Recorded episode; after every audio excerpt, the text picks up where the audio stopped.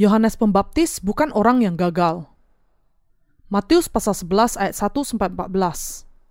Setelah Yesus selesai berpesan kepada kedua belas muridnya, pergilah ia dari sana untuk mengajar dan memberitakan Injil di dalam kota-kota mereka.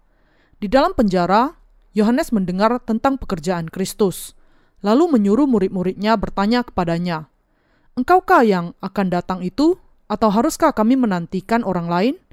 Yesus menjawab mereka, Pergilah dan katakanlah kepada Yohanes apa yang kamu dengar dan kamu lihat. Orang buta melihat, orang lumpuh berjalan, orang kusta menjadi tahir, orang tuli mendengar, orang mati dibangkitkan, dan kepada orang miskin diberitakan kabar baik. Dan berbahagialah orang yang tidak menjadi kecewa dan menolak aku. Setelah murid-murid Yohanes pergi, mulailah Yesus berbicara kepada orang banyak itu tentang Yohanes. Untuk apakah kamu pergi ke padang gurun, melihat bulu yang digoyangkan angin kian kemari? Atau untuk apakah kamu pergi, melihat orang yang berpakaian halus? Orang yang berpakaian halus itu tempatnya di istana raja. Jadi, untuk apakah kamu pergi, melihat nabi?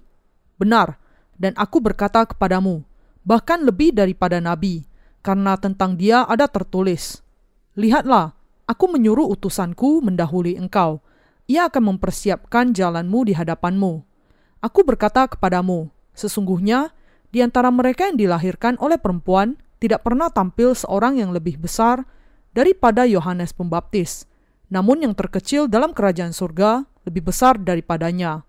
Sejak tampilnya Yohanes Pembaptis hingga sekarang, kerajaan surga diserong dan orang yang menyerongnya mencoba menguasainya, sebab semua nabi dan kitab Taurat bernubuat hingga tampilnya Yohanes. Dan jika kamu mau menerimanya, ialah Elia yang akan datang itu. Kita harus memahami pelayanan Yohanes Pembaptis. Sebenarnya, apakah pelayanan yang digenapi Yohanes Pembaptis sebelum Yesus? Banyak orang Kristen zaman ini yang tidak memahami Yohanes Pembaptis dengan baik, dan karena itu mereka perlu memperhatikan dia secara lebih teliti untuk bisa mengenal dia dan pelayanannya dengan baik. Kita semua perlu memiliki pengenalan yang benar dan menghargai hubungan antara pelayanan Yesus dengan Yohanes Pembaptis. Dengan memiliki pemahaman yang benar akan hubungan ini, Anda perlu memiliki pengalaman langsung untuk menerima pengampunan dosa-dosa Anda dengan iman. Dalam bagian kitab suci hari ini, Yesus Kristus mengatakan kepada para murid Yohanes Pembaptis, "Pergilah dan katakanlah kepada Yohanes apa yang kamu dengar dan kamu lihat. Orang buta melihat, orang lumpuh berjalan, orang kusta menjadi tahir, orang tuli mendengar, orang mati dibangkitkan, dan kepada orang miskin diberitakan kabar baik.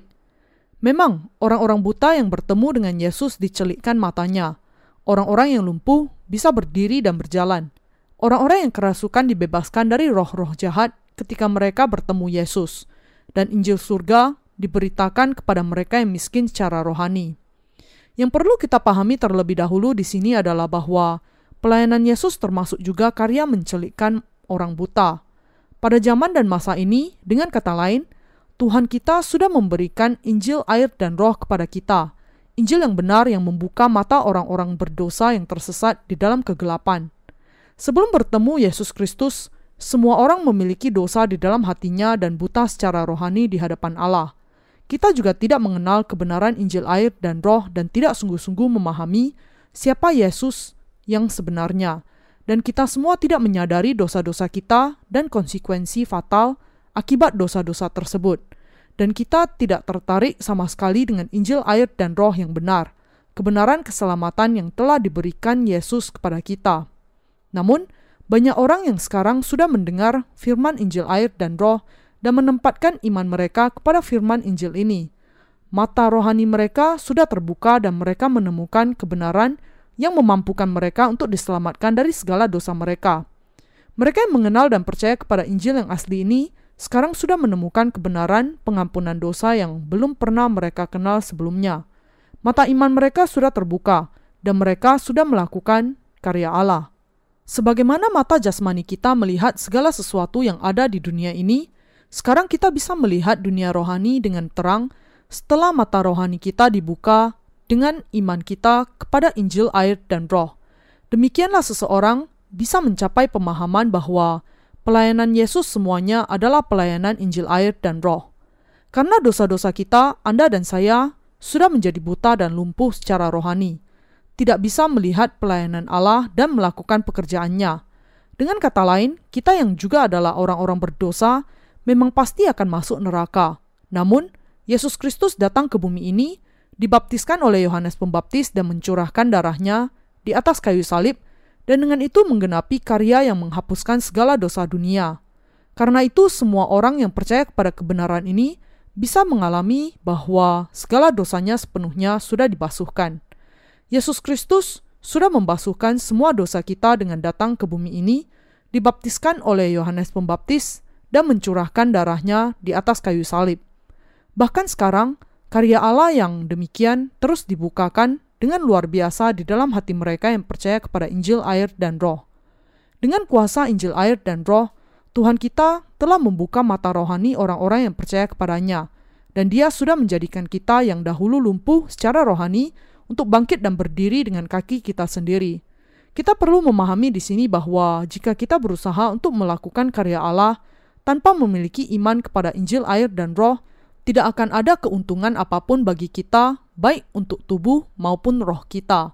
Mereka yang masih belum menerima pengampunan dosa akan terus berpikir, "Aku harus hidup dengan saleh, Aku harus berbuat baik kepada semua orang, tetapi tidak seorang pun yang bisa mencapai hal itu atau melakukan apa yang baik dan benar. Sebelum kita mengenal Injil air dan roh, kita memiliki dosa di dalam hati kita, dan karena itu kita semua adalah orang-orang berdosa, dan sebagai akibatnya, kita tidak bisa mengerti apakah kebenaran Allah itu, dan juga tidak bisa melakukannya. Namun, karena Tuhan kita menerima segala dosa kita sekaligus melalui baptisannya, dan karena dia menghapuskan segala dosa itu dengan darah yang dicurahkannya di atas kayu salib, ketika memikul dosa-dosa dunia, kita bisa diselamatkan dari segala dosa kita. Adalah karena Yesus Kristus sudah menyelamatkan kita dari segala dosa kita dengan kuasa Injil air dan roh, sehingga kita bisa menjalani kehidupan sesuai dengan kehendak Allah.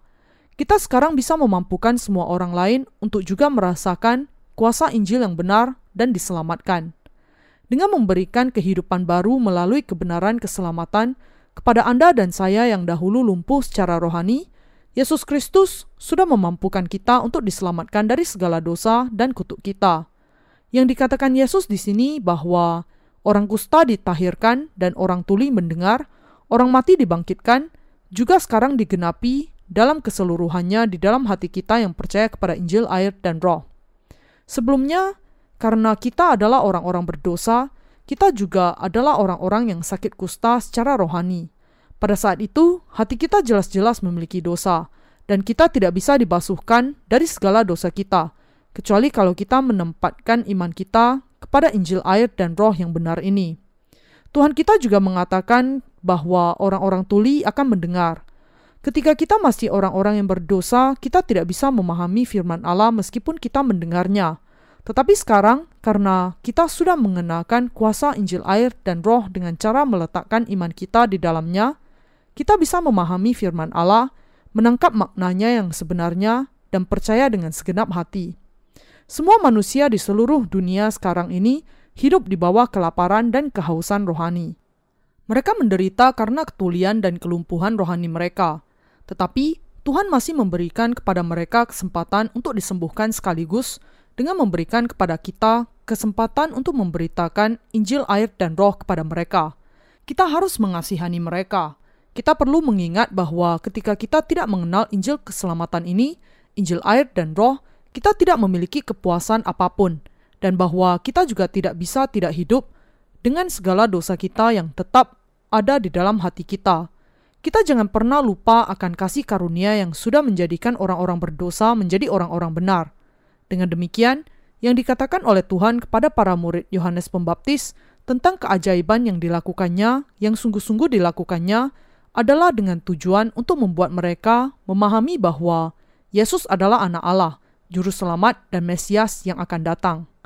Beberapa orang mungkin mengatakan bahwa ketika Yohanes Pembaptis dipenjarakan, dia dicobai dan kemudian dia mulai meragukan apakah Yesus itu memang Mesias yang akan datang.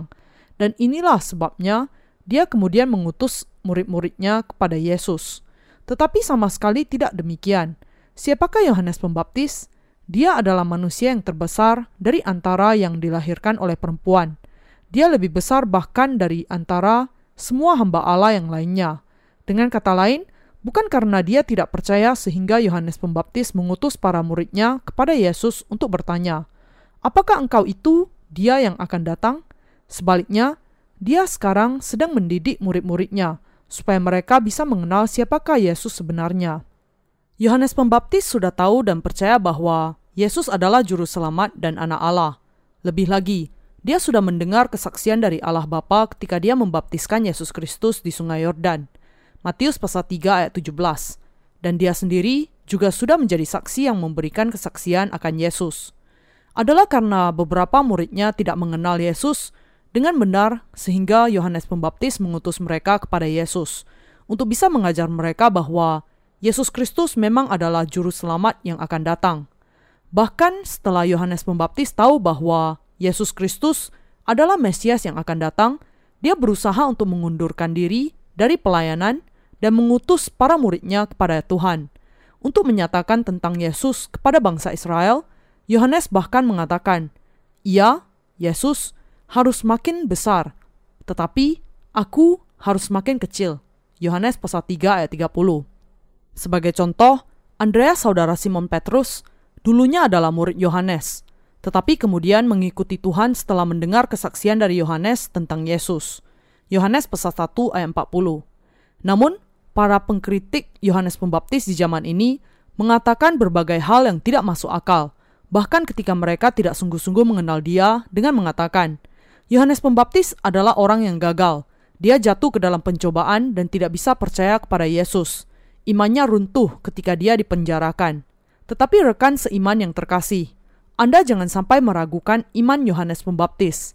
Yohanes Pembaptis dan Yesus memiliki tugas masing-masing yang harus mereka genapi bersama di dalam pemeliharaan Allah Bapa.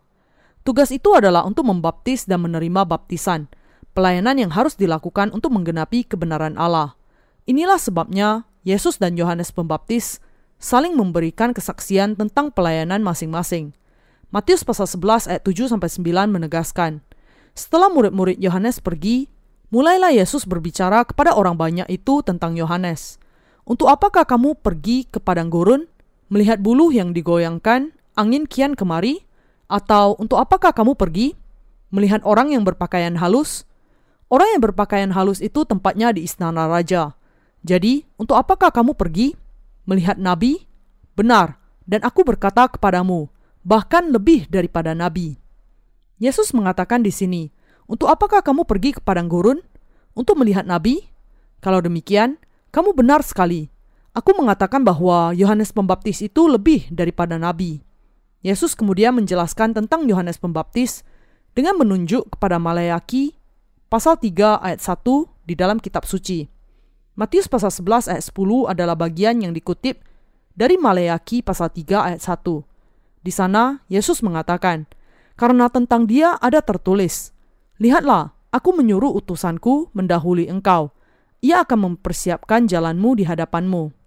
Menunjuk kepada bagian yang tertulis di dalam Maleaki pasal 3 ayat 1, dengan kata lain, Yesus sendiri bersaksi bahwa Yohanes Pembaptis adalah utusan Allah yang akan diutus sebelum Yesus sendiri. Siapakah utusan Allah yang tertulis di dalam Maleaki pasal 3 ayat 1? tidak lain dari Yohanes Pembaptis sendiri. Maleaki pasal 4 ayat 5 sampai 6 juga menunjuk kepada utusan yang ada di dalam Maleaki pasal 3 ayat 1. Aku akan mengutus nabi. Yang tidak lain menunjuk kepada Yohanes Pembaptis. Di dalam Matius pasal 11 ayat 11, Yesus mengatakan, Aku berkata kepadamu, sesungguhnya di antara mereka yang dilahirkan oleh perempuan tidak pernah tampil seorang yang lebih besar daripada Yohanes Pembaptis namun, yang terkecil dalam kerajaan surga lebih besar daripadanya. Mengapa Tuhan kita mengatakan demikian kepada kita? Mengapa dia mengatakan bahwa Yohanes Pembaptis adalah yang terbesar di antara yang dilahirkan perempuan? Yesus mengatakan di sini bahwa Yohanes Pembaptis adalah utusan Allah yang dinubuatkan di dalam Perjanjian Lama dan bahwa dia adalah wakil dari manusia. Bagian ini dilanjutkan dengan perkataan sulit lainnya. Namun, yang terkecil dalam kerajaan surga lebih besar daripadanya. Banyak guru-guru palsu yang menganggap Yohanes Pembaptis sebagai orang yang gagal berdasarkan perkataan ini. Mereka mengatakan, karena Yohanes meragukan Yesus sebagai Mesias, dia kemudian dinilai demikian oleh Tuhan. Ini sama sekali tidak masuk akal. Namun, yang sesungguhnya dikatakan Yesus di sini adalah bahwa meskipun Yohanes Pembaptis adalah wakil manusia secara rohani, namun dia hanyalah manusia biasa yang tidak bisa dibandingkan dengan mereka yang sudah menjadi anak-anak Allah sendiri. Dengan kata lain, meskipun Yohanes Pembaptis adalah wakil dari umat manusia di dalam daging, dia tetap tidak bisa dibandingkan dengan orang-orang yang dilahirkan kembali. Sebenarnya Yohanes adalah yang terbesar dari sudut pandang manusia. Dia dilahirkan sebagai seorang nazir dan menjalani kehidupan asketis di padang gurun dengan memakan belalang dan madu hutan. Dari sudut pandang kebenaran manusia, dia pastilah yang paling besar.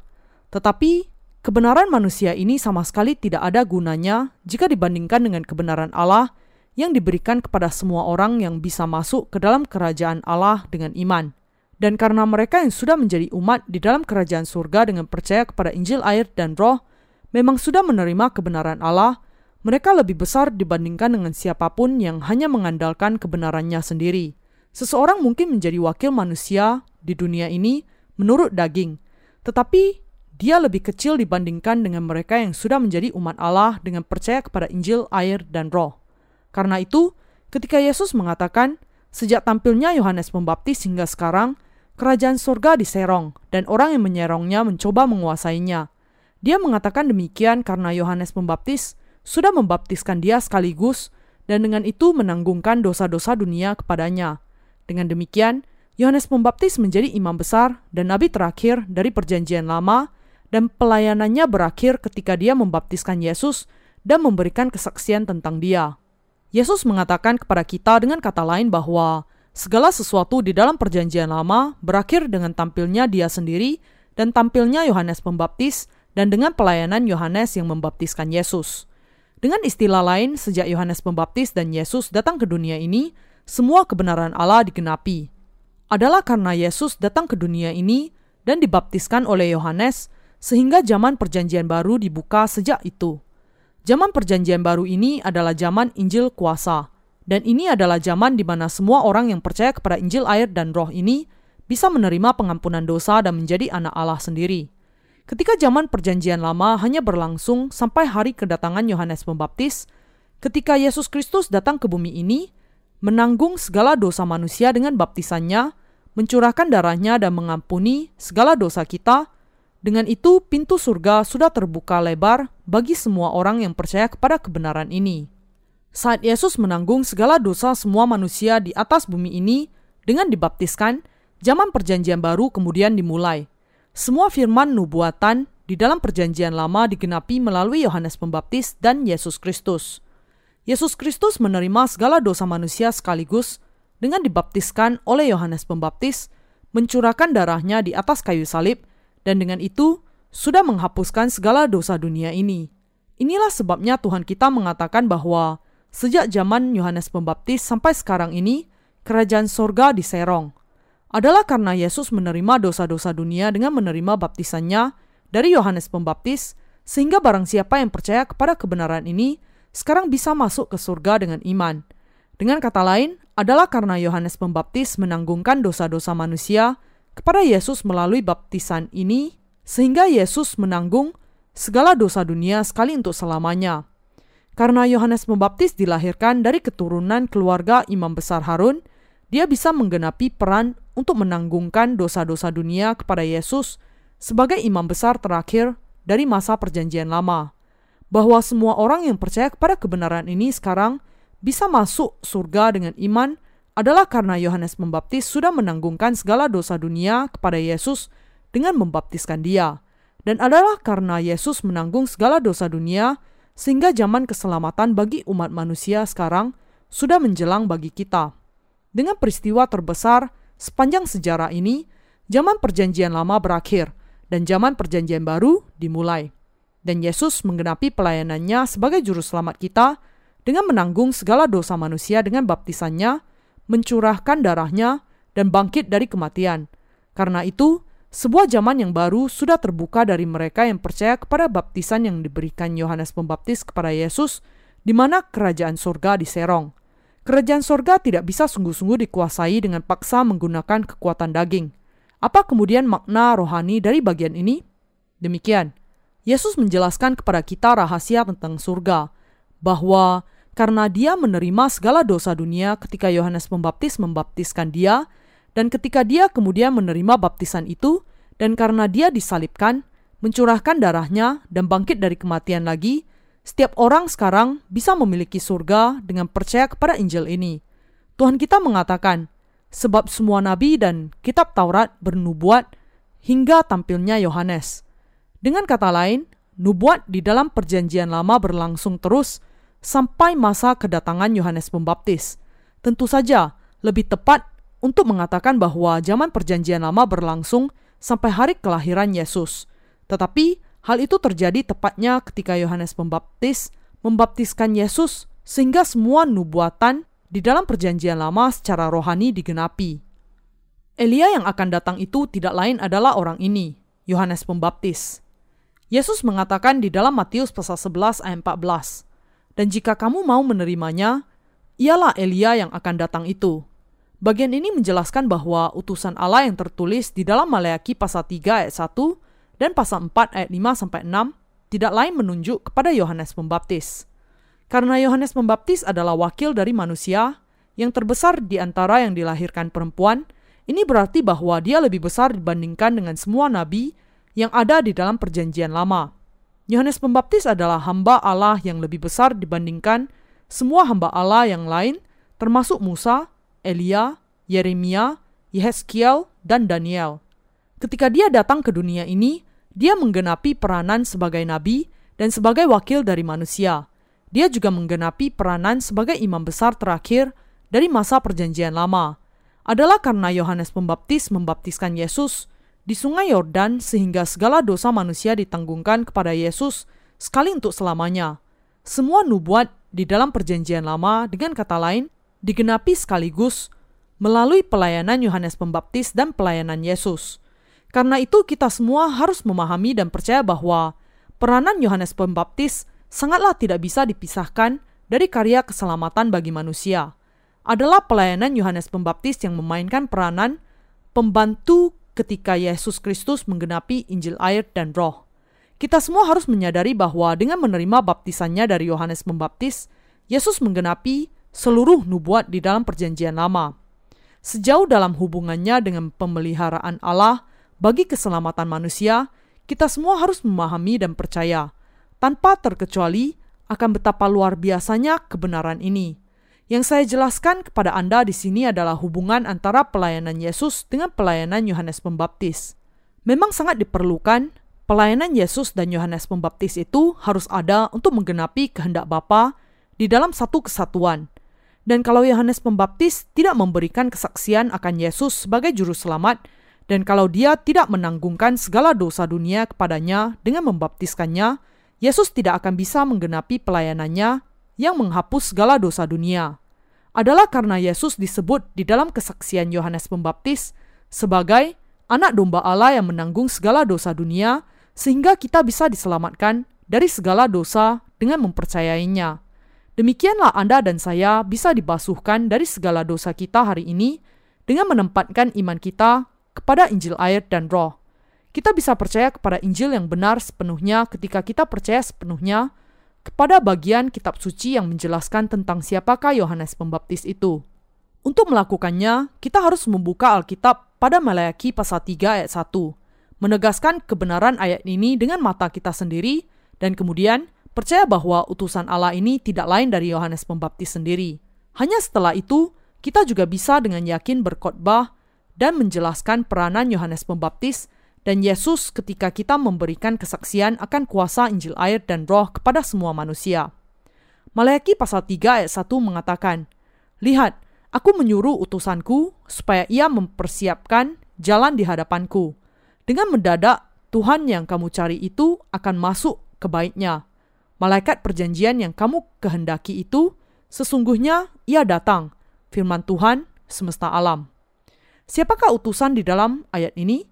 Tuhan semesta alam mengatakan bahwa dia akan mengutus hambanya ke dunia ini, Dan di dalam Matius pasal 11 ayat 10, di perjanjian baru, Yesus Kristus sendiri memberikan kesaksian tentang bagian dari perjanjian lama ini. Ketika kita membandingkan kedua ayat ini, kita bisa melihat dengan jelas bahwa utusan Allah itu tidak lain dari Yohanes Pembaptis sendiri yang mengenainya Yesus bersaksi. Menurut kita siapakah Yohanes Pembaptis itu? Utusan Allah yang dijanjikannya untuk diutusnya kepada kita di dalam perjanjian lama adalah Yohanes Pembaptis. Pelayanan yang tidak bisa ditiadakan untuk menghapuskan dosa-dosa dunia ini.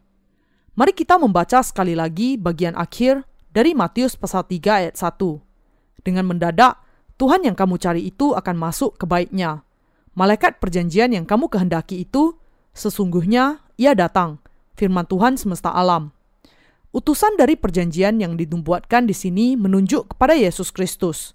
Jadi, nubuat di dalam perjanjian lama akan digenapi oleh Yohanes Pembaptis dan Yesus Kristus ketika mereka diutus ke bumi ini seturut dengan kehendak Allah Bapa. Bagian ini berkaitan dengan nubuat lain yang mengatakan, sesungguhnya seorang perempuan muda mengandung dan akan melahirkan seorang anak laki-laki, dan ia akan menamakan dia Immanuel. Yesaya pasal 7 ayat 14. Di bagian lain di dalam Yesaya pasal 53 ayat 5 ada tertulis, Tetapi dia tertikam oleh karena pemberontakan kita, dia diremukkan oleh karena kejahatan kita. Ganjaran yang mendatangkan keselamatan bagi kita ditimpakan kepadanya, dan oleh bilur-bilurnya kita menjadi sembuh. Ini menjelaskan bahwa Yesus Kristus, Anak Allah yang dinubuatkan di dalam Perjanjian Lama, akan datang ke bumi ini untuk menghapuskan segala dosa manusia menjadi seputih salju. Allah meneruskan dengan mengatakan di dalam Maleakhi pasal 3 ayat 2 sampai 3. Siapakah yang dapat tahan akan hari kedatangannya dan siapakah yang dapat tetap berdiri apabila ia menampakkan diri? Sebab ia seperti api tukang pemurni logam dan seperti sabun tukang penatu. Ia akan duduk seperti orang yang memurnikan dan mentahirkan perak, dan ia mentahirkan orang Lewi, menyucikan mereka seperti emas dan seperti perak, supaya mereka menjadi orang-orang yang mempersembahkan korban yang benar kepada Tuhan. Sebagaimana Tuhan sudah berjanji kepada kita dengan bagian ini, ia akan mentahirkan orang Lewi dan memurnikan mereka seperti memurnikan emas dan perak, supaya mereka menjadi orang-orang yang mempersembahkan korban dalam kebenaran kepada Tuhan. Firman janji ini telah sebenarnya digenapi sekarang. Di dalam perjanjian baru, ketika Yesus Kristus menanggung segala dosa dunia ini dengan dibaptiskan oleh Yohanes Pembaptis dan mencurahkan darahnya, dia menggenapkan keselamatan kita dari segala dosa kita. Bagian ini berbicara tentang kuasa pengampunan dosa manusia yang sesungguhnya digenapi Yesus Kristus dengan dibaptis oleh Yohanes dan mencurahkan darahnya.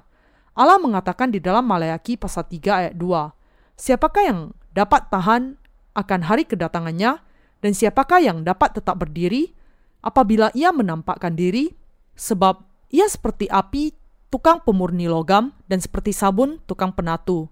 Siapa yang bisa melawan Yesus Kristus ketika dia datang ke bumi ini? Siapa yang bisa mencegah dia menggenapi pelayanannya yang mengampuni segala dosa manusia dengan datang ke bumi ini, dibaptiskan oleh Yohanes dan mencurahkan darahnya, suatu saat orang-orang menangkap Yesus dan berusaha untuk membunuh dia dengan mendorongnya ke jurang. Tetapi dia meninggalkan mereka dengan penuh kehormatan dari tengah-tengah mereka. Lukas pasal 4 ayat 28 sampai 30. Kita harus mengenal dia sebagai Allah yang maha mulia. Tuhan kita menanggung dosa-dosa kita sekaligus dengan Injil air dan roh menghapuskan semuanya dengan kuasa Injil ini melalui penyalibannya dan akan datang kembali untuk membawa mereka yang percaya kepada hal ini.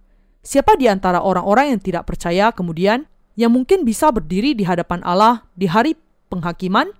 Ada tertulis, siapakah yang dapat tetap berdiri apabila ia menampakkan diri? Hanya orang-orang yang sudah menerima pengampunan dosa-dosa mereka dengan percaya kepada Injil air dan roh yang bisa berdiri di hadapannya tidak ada orang lain yang dapat berdiri di hadapannya. Kalau kita berdiri di hadapan Yesus Kristus saat ini, ketika kita masih memiliki dosa, kita akan dibinasakan. Maleakhi pasal 3 ayat 2 mengatakan, Sebab ia seperti api tukang pemurni logam dan seperti sabun tukang penatu. Siapakah ia di sini? Itu menunjuk kepada Yesus Kristus, satu-satunya juru selamat yang sudah menghapuskan segala dosa manusia, seperti tukang pemurni logam dan tukang penatu.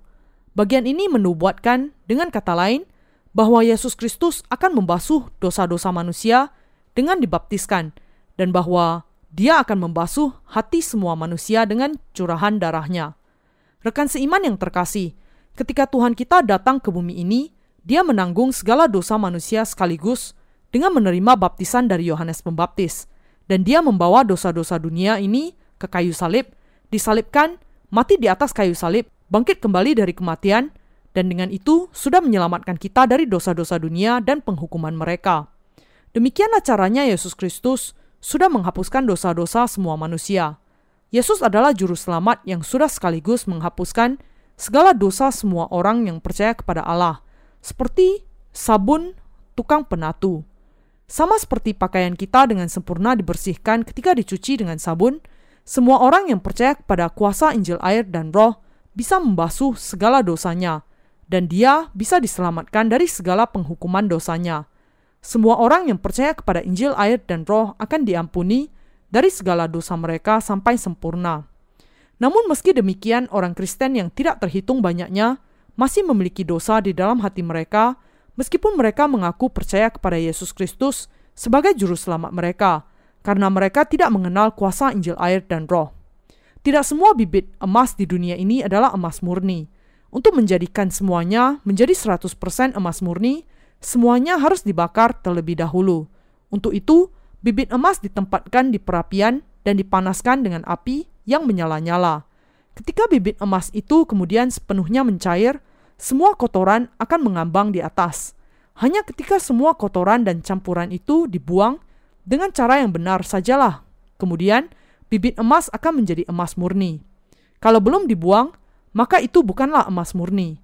Demikian juga, seperti bibit emas melalui proses pembakaran yang menghilangkan segala kotoran adalah karena Yesus Kristus menanggung segala dosa dunia dengan dibaptiskan oleh Yohanes dan mencurahkan darahnya sehingga segala dosa dunia sepenuhnya dihapuskan. Adalah dengan percaya kepada Injil air dan roh inilah kita semua bisa dibasuhkan dari dosa-dosa kita. Maleaki pasal 3 ayat 3 melanjutkan dengan mengatakan, Ia akan duduk seperti orang yang memurnikan dan mentahirkan perak, dan ia mentahirkan orang Lewi, menyucikan mereka seperti emas dan seperti perak, supaya mereka menjadi orang-orang yang mempersembahkan korban yang benar kepada Tuhan. Di sini dikatakan bahwa Tuhan sudah mentahirkan orang Lewi dari dosa-dosa mereka. Secara rohani, orang Lewi di sini menunjuk kepada orang-orang kudus yang percaya kepada Injil, air, dan roh. Orang-orang Israel terdiri dari 12 suku.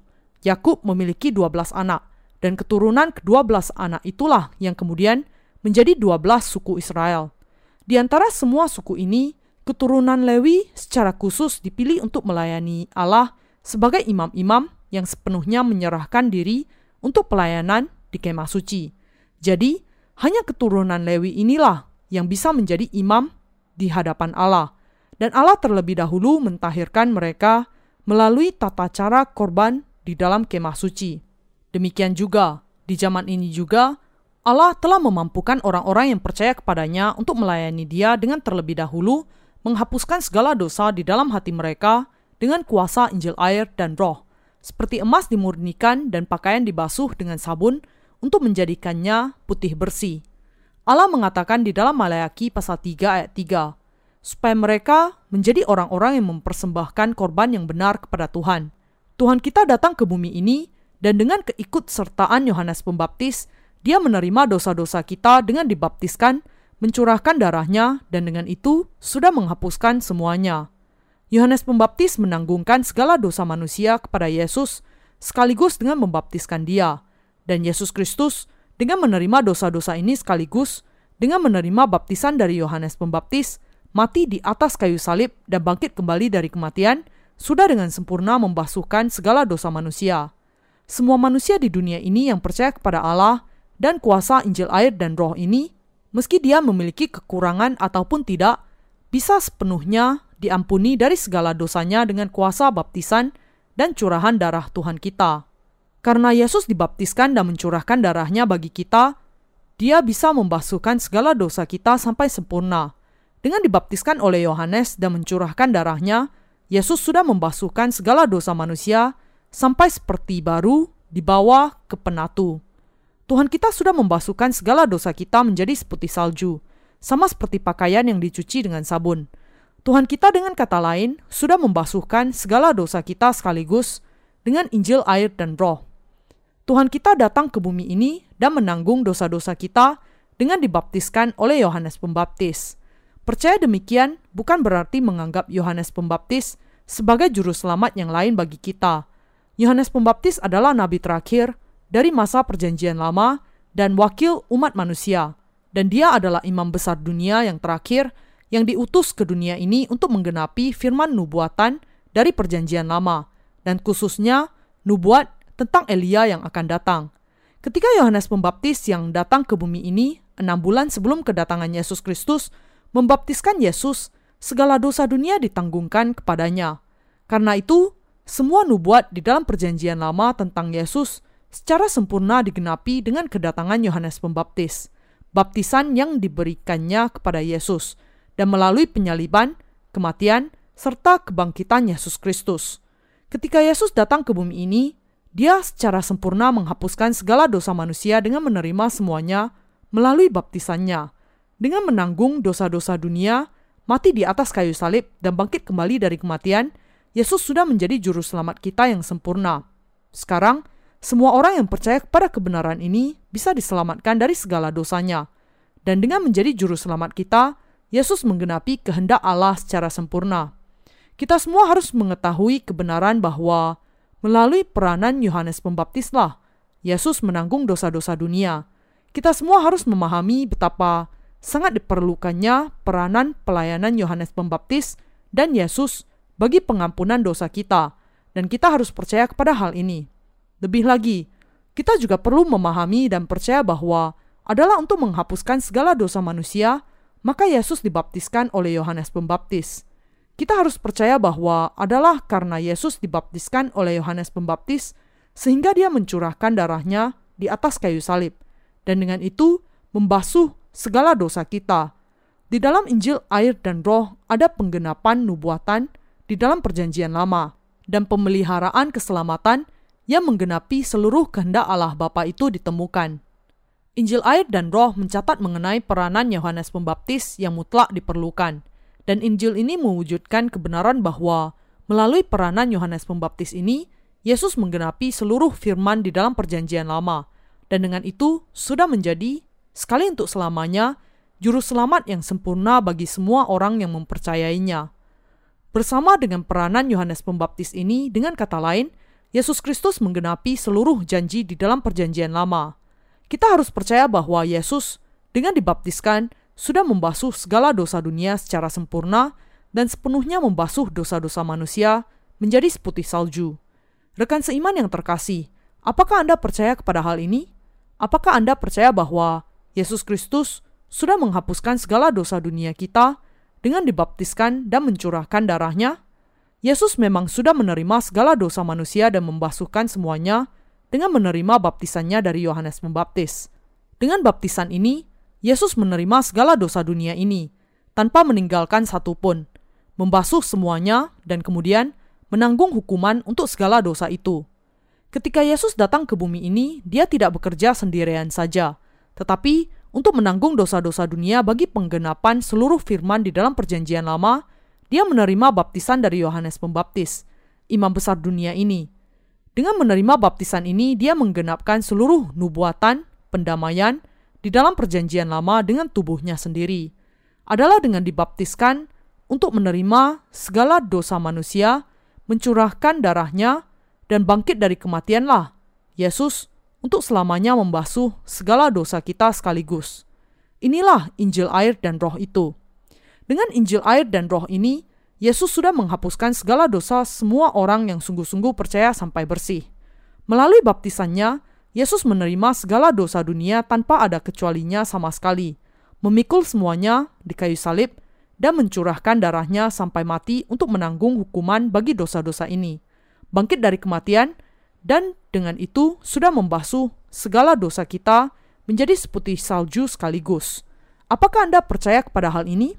Di dalam Matius pasal 11, Ketika Yohanes Pembaptis mengutus para muridnya kepada Yesus, dia menjawab pertanyaan mereka dan kemudian mengutus mereka kembali kepada Yohanes.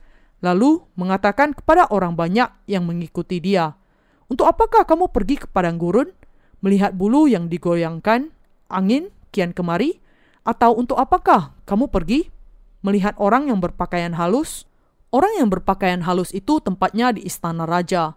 Jadi, untuk apakah kamu pergi melihat nabi? Benar, dan aku berkata kepadamu, bahkan lebih daripada nabi. Dia tidak lain dari Yohanes sendiri. Dia lebih besar di antara yang dilahirkan oleh perempuan. Tetapi yang terkecil di dalam kerajaan surga jauh lebih besar dibandingkan dengannya.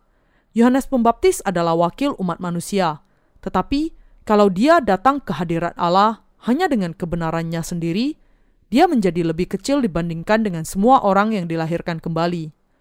Yesus kemudian mengatakan, sejak tampilnya Yohanes Pembaptis hingga sekarang, kerajaan surga diserong, dan orang yang menyerongnya mencoba menguasainya. Sejak tampilnya Yohanes Pembaptis hingga sekarang, kerajaan surga diserong, dan Tuhan kita melanjutkan, orang yang menyerongnya mencoba menguasainya.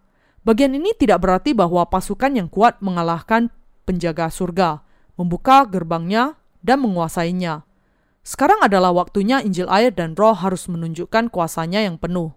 Tidak ada seorang pun yang bisa masuk ke dalam kerajaan surga kecuali orang-orang yang dilahirkan kembali yang sudah dibasuhkan dari segala dosanya dengan percaya kepada Injil air dan roh.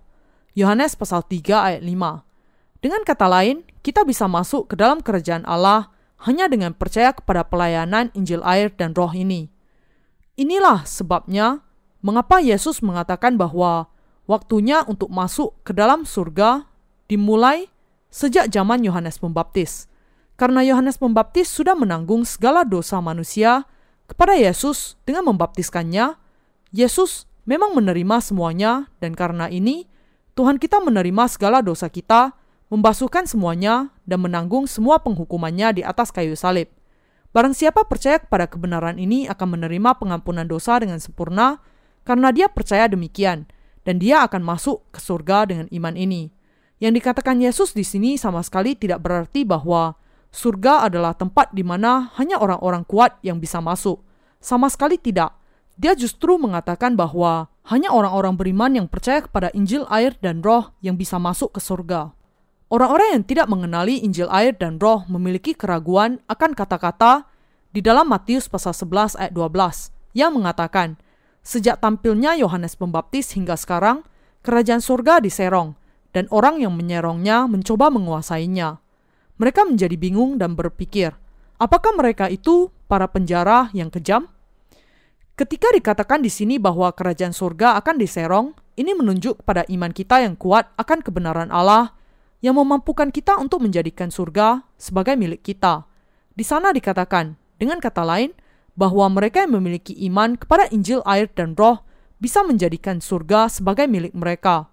Adalah dengan percaya kepada Injil air dan roh di hadapan Allah dan hanya dengan iman ini kita bisa menjadikan kerajaan surga itu sebagai milik kita.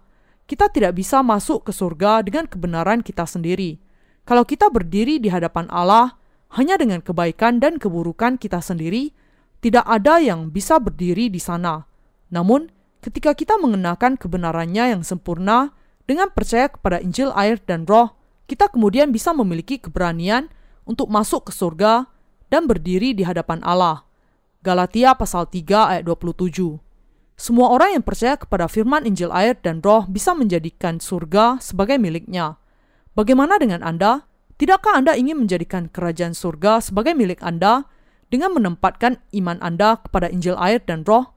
Sudahkah Anda percaya kepada Injil air dan roh sampai saat ini? Sudahkah Anda percaya kepada pelayanan Yesus dan pelayanan Yohanes Pembaptis untuk menjadikan surga sebagai milik Anda? Barang siapa yang tidak menjadikan surga sebagai miliknya, tidak bisa mendapatkannya secara tepat karena dia tidak menempatkan imannya kepada kuasa Injil air dan roh.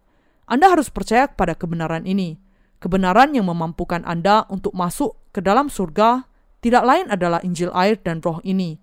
Iman kepada Injil air dan roh ini adalah hakikat dari iman Kristen, karena kita dibenarkan oleh iman dan hanya oleh iman saja. Ini menjelaskan bahwa karena Yohanes Pembaptis menanggungkan segala dosa manusia kepada Yesus dengan membaptiskannya, dan karena Yesus menerima segala dosa ini melalui Yohanes Pembaptis dengan menerima baptisan darinya, dia sudah menghapuskan segala dosa mereka yang percaya kepadanya, sebagaimana pakaian yang dicuci dengan sabun dibasuh sampai bersih. Dengan dibaptiskan oleh Yohanes dan mencurahkan darahnya, Tuhan kita telah dengan sepenuhnya dan dengan sempurna menghapuskan semua dosa kita, seperti mereka diputihkan. Inilah sebabnya semua orang yang percaya kepada peranan Yohanes Pembaptis dan baptisan serta curahan darah Yesus sebagai kebenaran pengampunan dosa akan dibasuhkan dari segala dosanya dengan iman dan bisa masuk ke dalam kerajaan surga.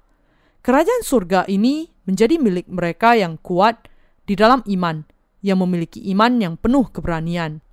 Pengampunan dosa diterima melalui iman kepada Injil, air, dan Roh, dan kita bisa masuk surga dengan percaya bahwa Yesus adalah Allah sendiri, bahwa Dia adalah Allah yang menciptakan kita, bahwa Dia adalah Juru Selamat kita, dan bahwa Dia sudah secara sempurna dan lengkap membasuhkan segala dosa kita dengan dibaptiskan. Adalah dengan percaya kepada Injil air dan roh ini, sehingga kita bisa menjadi anak-anak Allah dan tidak memiliki dosa. Yesus dan Yohanes Pembaptis adalah yang menjadikan mungkin bagi kita untuk bisa masuk surga dengan iman. Apakah Anda percaya kepada hal ini? Bagi mereka yang masih memiliki dosa di dalam hati mereka sekarang, karena mereka tidak memiliki iman kepada Injil, air, dan Roh. Itulah mereka tetap berdosa. Pada dasarnya, mereka tidak hanya menolak untuk memahami Injil, air, dan Roh, tetapi mereka juga menyangkali pentingnya keberadaan Yohanes Pembaptis. Kita perlu menyadari di sini bahwa ketidakmampuan untuk mengenal Yohanes Pembaptis yang bekerja bersama dengan Yesus untuk menanggungkan segala dosa kepadanya atau menganggapnya sebagai orang yang gagal sama saja dengan menyangkal Yesus dan menolak keselamatan. Orang-orang yang demikian masih mempertahankan dosa-dosanya meskipun mereka mengaku percaya kepada Yesus, dan mereka masih percaya kepada Yesus sebagai juru selamat secara buta saja. Orang-orang berdosa ini yang hatinya masih berdosa percaya hanya sesuai dengan pemikiran subjektif mereka sendiri, dan inilah sebabnya hati mereka belum dibasuhkan, dan sebabnya mereka masih bergumul dengan dosa-dosa mereka. Beberapa waktu yang lalu, saya pernah didatangi oleh sekelompok orang Kristen yang mengatakan bahwa Yohanes Pembaptis adalah seorang yang gagal berdasarkan ayat Alkitab ini. Alasannya adalah karena Yohanes Pembaptis mengutus murid-muridnya kepada Yesus dan bertanya kepadanya, "Engkaukah yang akan datang itu, atau haruskah kami menantikan orang lain?" Ini hanya bisa berarti bahwa Yohanes Pembaptis meragukan bahwa Yesus adalah juru selamat. Mereka tidak bisa mengelak dari kesalahpahaman ini karena mereka sudah menganggap Yohanes Pembaptis sebagai orang yang gagal, dan inilah sebabnya mereka mengatakan demikian. Kalau seseorang tidak memahami peranan Yohanes Pembaptis dan betapa pentingnya pelayanannya, dia pasti akan berakhir dengan kesalahpahaman yang demikian. Kalau orang-orang itu memiliki sedikit saja pemahaman akan Perjanjian Lama, dan kalau mereka memahami bahwa pelayanan Yohanes Pembaptis sudah dinubuatkan dan dituliskan secara terperinci di dalam kitab Maleaki, mereka tidak akan sampai kepada kesimpulan penafsiran yang salah demikian. Hal yang sama juga berlaku dengan kita. Kalau kita tidak sungguh-sungguh memahami peranan Yohanes Pembaptis dan pelayanan Yesus, kita tidak akan bisa memahami Injil air dan roh juga. Kalau memang demikian yang terjadi, betapa mengerikannya konsekuensi yang akan terjadi, bukan? Beberapa murid Yohanes tidak percaya bahwa Yesus adalah Mesias yang akan datang. Itulah sebabnya Yohanes Pembaptis mengutus beberapa muridnya untuk menemui Yesus supaya mereka sendiri melihat siapakah Yesus, mendengar firman-Nya dengan telinga mereka sendiri dan percaya kepadanya serta mengikut Dia. Kalau seseorang tidak memahami pelayanan Yohanes Pembaptis, dia tidak akan bisa memahami Injil yang benar. Dan kalau seseorang tidak memahami Injil ini dengan benar, dia tidak bisa mengenal Yesus dengan benar, dan sebagai akibatnya, dia akan menjauh dari kebenaran dan akhirnya tidak bisa percaya kepada kebenaran apa pun. Inilah sebabnya bagian dari kitab Maleaki itu sangat penting. Tentu saja, setiap bagian dari seluruh perjanjian lama itu penting. Tetapi kitab Maleaki memiliki kepentingan yang khusus, karena di sana dinubuatkan tentang kedatangan Yesus dan kedatangan Yohanes Pembaptis. Hamba Allah yang akan membaptiskan Yesus. Dengan kitab Maleaki lah nubuatan di dalam perjanjian lama berakhir. Setelah Nabi Maleaki, tidak ada hamba Allah yang muncul selama lebih dari 400 tahun. Setelah kesenyapan inilah kemudian Yohanes Pembaptis muncul. Di manakah dia muncul? Dia muncul untuk pertama kalinya di padang gurun. Setelah menunjukkan dirinya, Yohanes Pembaptis berseru kepada orang-orang Israel di zamannya, "Bertobatlah, kamu keturunan ular beludak." Dia adalah hamba Allah yang mengenakan pakaian dari kulit unta, memakan belalang, dan madu hutan. Yohanes Pembaptis adalah sungguh-sungguh utusan Allah. Anda semua harus memiliki pemahaman yang kuat tentang kenyataan bahwa Yohanes Pembaptis menggenapi peranannya, yaitu untuk membaptiskan Yesus. Nubuat mengenai Yohanes Pembaptis tertulis di dalam kitab Maleaki dan kitab Yesaya. Dengan mengutip Yesaya pasal 40 ayat 3, Matius pasal 3 ayat 3 mengatakan, Sesungguhnya dialah yang dimaksudkan Nabi Yesaya ketika ia berkata, Ada suara orang yang berseru-seru di padang gurun, persiapkanlah jalan untuk Tuhan, luruskanlah jalan baginya.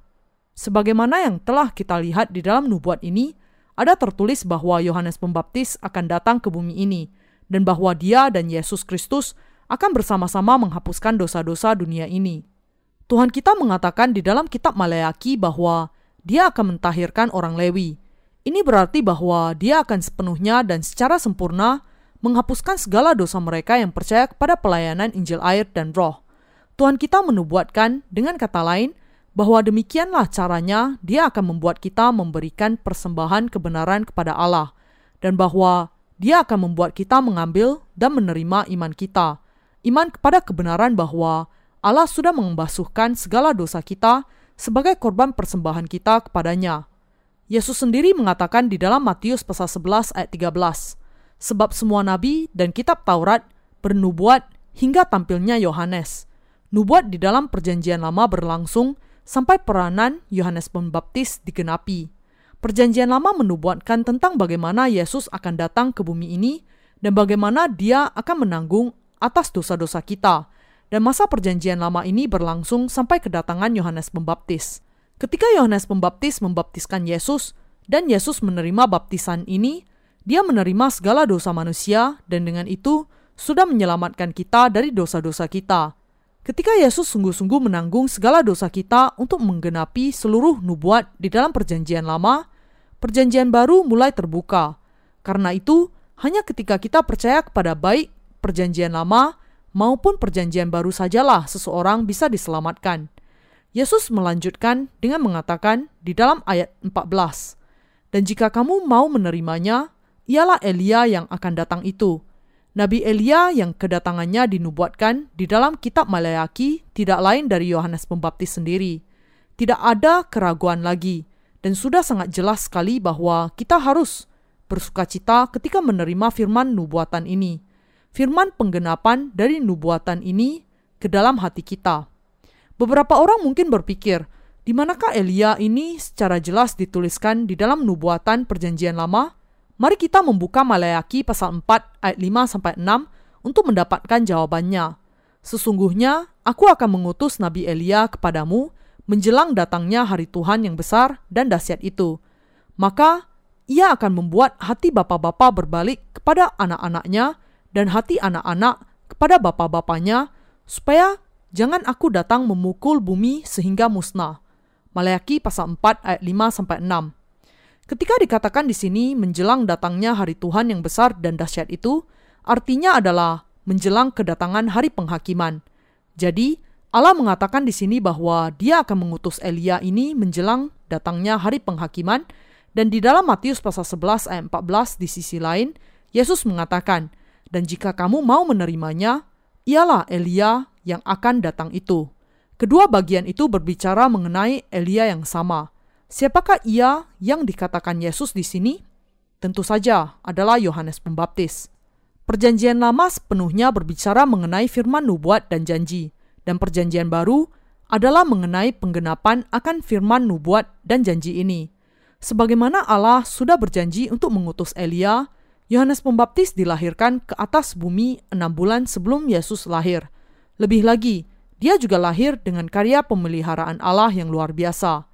Yohanes tidak dilahirkan dalam sembarang keluarga saja, tetapi dia lahir di dalam keluarga imam besar.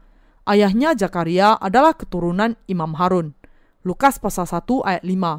Ini berarti bahwa Yohanes Pembaptis sendiri termasuk ke dalam kaum Harun, sang imam besar. Tuhan kita adalah Allah yang sepenuhnya menggenapkan semua yang dijanjikannya kepada para hambanya dengan tepat seperti janjinya dan sesuai dengan kesetiaannya. Dia memulai karya keselamatannya dengan kelahiran Yohanes Pembaptis sebagaimana yang sudah dijanjikannya di dalam Perjanjian Lama. Di dalam kitab Imamat di dalam Perjanjian Lama, Allah sudah berjanji kepada bangsa Israel bahwa Dia akan mengampuni dosa-dosa mereka ketika imam besar menanggungkan dosa-dosa mereka kepada binatang korban dengan menumpangkan tangannya ke atas kepala binatang korban itu, menyembelihnya dan mengambil darahnya, mengoleskan darah itu di tanduk-tanduk mezbah korban bakaran dan mencurahkan sisanya ke tanah, membawa darahnya ke tempat maha kudus dari rumah Allah dan memercikkannya ke sisi timur dari tabut perjanjian. Imamat pasal 16. Allah sudah berjanji bahwa demikianlah dia akan mengampuni segala dosa manusia.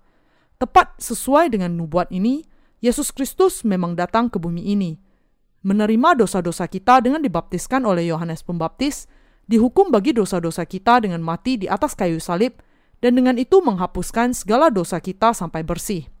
Dengan melakukan semua hal ini, dia sudah menjadi juru selamat kita. Apa yang mau kamu lihat di padang gurun? Bulu yang digoyangkan angin? Orang yang berpakaian halus? Atau melihat nabi? Kamu benar kalau mau melihat seorang hamba Allah. Di padang gurun itu ada wakil umat manusia, dan di padang gurun itu kamu akan melihat Yohanes Pembaptis yang terbesar di antara semua manusia. Dia tidak lain adalah Elia itu. Aku sudah berjanji akan mengutus hambaku Elia, dan Elia itu adalah Yohanes Pembaptis. Yohanes Pembaptis itulah yang menggenapi peranan Elia. Yohanes adalah hamba Allah yang memampukan semua manusia untuk masuk ke dalam kerajaannya dengan mengumpulkan semuanya kepadaku dan bersaksi kepada mereka. Yesus Kristus adalah anak Allah, juru selamat yang menerima segala dosa manusia, mati di atas kayu salib, bangkit dari kematian, dan dengan itu sudah menyelamatkan manusia dari segala dosa mereka. Dia adalah Mesias itu. Ketika Yohanes Pembaptis datang ke bumi ini, dia menggenapi dua pelayanan penting. Dia menanggungkan dosa-dosa kita kepada Yesus Kristus dan dia memberikan kesaksian akan juru selamat kita. Betapa hebatnya pelayanan ini bukan? Melalui keterlibatan Yohanes Pembaptis, Yesus bisa menggenapi firman perjanjiannya. Sekarang kita bisa memahami bahwa adalah melalui Yohanes Pembaptis, Yesus Kristus menggenapi seluruh firman di dalam perjanjian lama, bahwa kesaksian Yohanes menegaskan tentang bagaimana Yesus bisa menggenapkan seluruh firman di dalam perjanjian lama dan bahwa Allah sudah dengan benar menggenapkan keselamatan kita melalui pelayanan Yesus dan Yohanes Pembaptis. Melalui Yohanes Pembaptis, kita bisa menangkap bahwa dia dan Yesus menggenapkan janji Allah. Apakah Anda percaya kepada hal ini?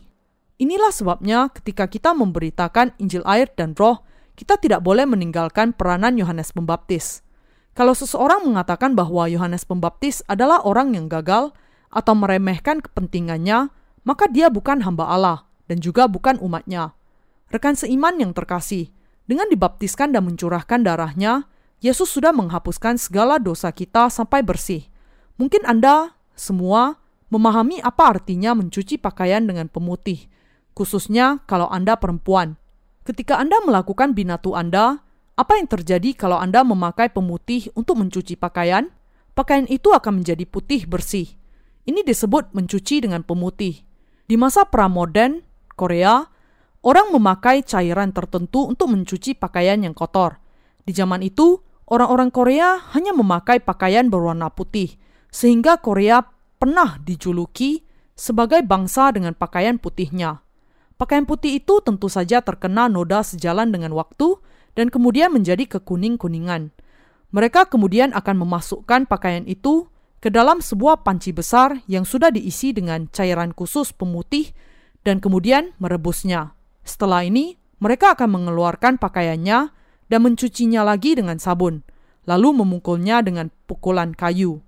pakaian itu kemudian akan menjadi seputih mungkin.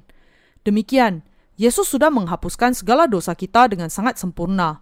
Semuanya karena kenyataan bahwa Dia menanggung atas dosa-dosa kita dengan dibaptiskan oleh Yohanes Pembaptis, mati di atas kayu salib bagi kita. Dia sudah menghapuskan semuanya, sehingga tidak ada lagi sedikit pun yang masih perlu dibersihkan. Dia sudah menghapuskan segala dosa kita secara sempurna dan untuk selamanya. Demikianlah bagaimana Yesus sudah menjadi juru selamat kita. Inilah yang menjadi kepentingan yang sangat besar dari bagian di dalam Matius pasal 11 ayat 1 sampai 14 itu. Ketika kita sungguh-sungguh memberikan kesaksian akan Injil itu kepada orang-orang lain, kita sering melihat ayat-ayat hanya secara sepintas saja. Tetapi saya yakin bahwa Anda harus memberikan penjelasan yang terperinci tentang bagian ini agar iman Anda semakin dikuatkan di dalam hati Anda. Iman yang Anda dan saya miliki ini sangatlah berharga. Bukan hanya sedikit orang di beberapa negara saja yang sudah dilahirkan kembali melalui firman ini. Ada banyak orang di seluruh dunia yang sudah menerima pengampunan dosa-dosa mereka dengan percaya kepada Injil air dan roh. Semua orang ini dan kita juga sudah menerima pengampunan dosa dengan percaya kepada pelayanan Yohanes Pembaptis dan Yesus. Anda jangan pernah merasa malu akan iman ini. Sebaliknya, iman ini begitu mulia dan berharga sehingga kita bisa memberitakannya tanpa sedikit pun merasa ragu. Saya bisa mewartakan kebenaran ini kepada semua orang di seluruh dunia dengan keyakinan yang sangat tinggi. Saya bisa menyerukannya dengan keras kepada setiap pendeta dan teolog di seluruh dunia ini. Semua orang, siapa pun juga dia, harus mengenal Injil air dan roh dan mempercayainya. Kita yang dilahirkan kembali tidaklah sempurna di dalam daging kita, tetapi secara rohani, kita adalah orang-orang benar di dunia. Saya percaya kepada hal ini. Saya percaya bahwa iman kita adalah iman yang terbesar di dunia dan sama sekali tidak memiliki cacat. Saya yakin bahwa kita adalah orang-orang Lewi secara rohani, dan bahwa sebagaimana orang-orang Lewi, sudah mentahirkan seluruh bangsa Israel dengan iman, kita yang adalah orang-orang benar sudah menjadi imam besar dan memberikan persembahan kebenaran kepada Allah untuk mentahirkan semua manusia di dunia ini dengan Injil air dan roh. Rekan seiman yang terkasih, apakah Anda sungguh-sungguh percaya kepada kuasa Injil air dan roh? Untuk mempersembahkan iman yang benar ini kepada Allah adalah mempersembahkan persembahan kita yang pantas dan murni kepadanya. Iman kepada kuasa Injil air dan roh ini adalah iman yang memampukan kita untuk menjadikan surga sebagai milik kita. Iman inilah yang menjadikan kita sebagai alat kebenaran, dan iman inilah yang memampukan kita untuk menjadi para pekerja Allah. Iman inilah persembahan yang paling layak kepada Allah. Saya mengucap syukur kepada Allah yang memberikan kepada kita iman demikian di dalam Injil air dan roh.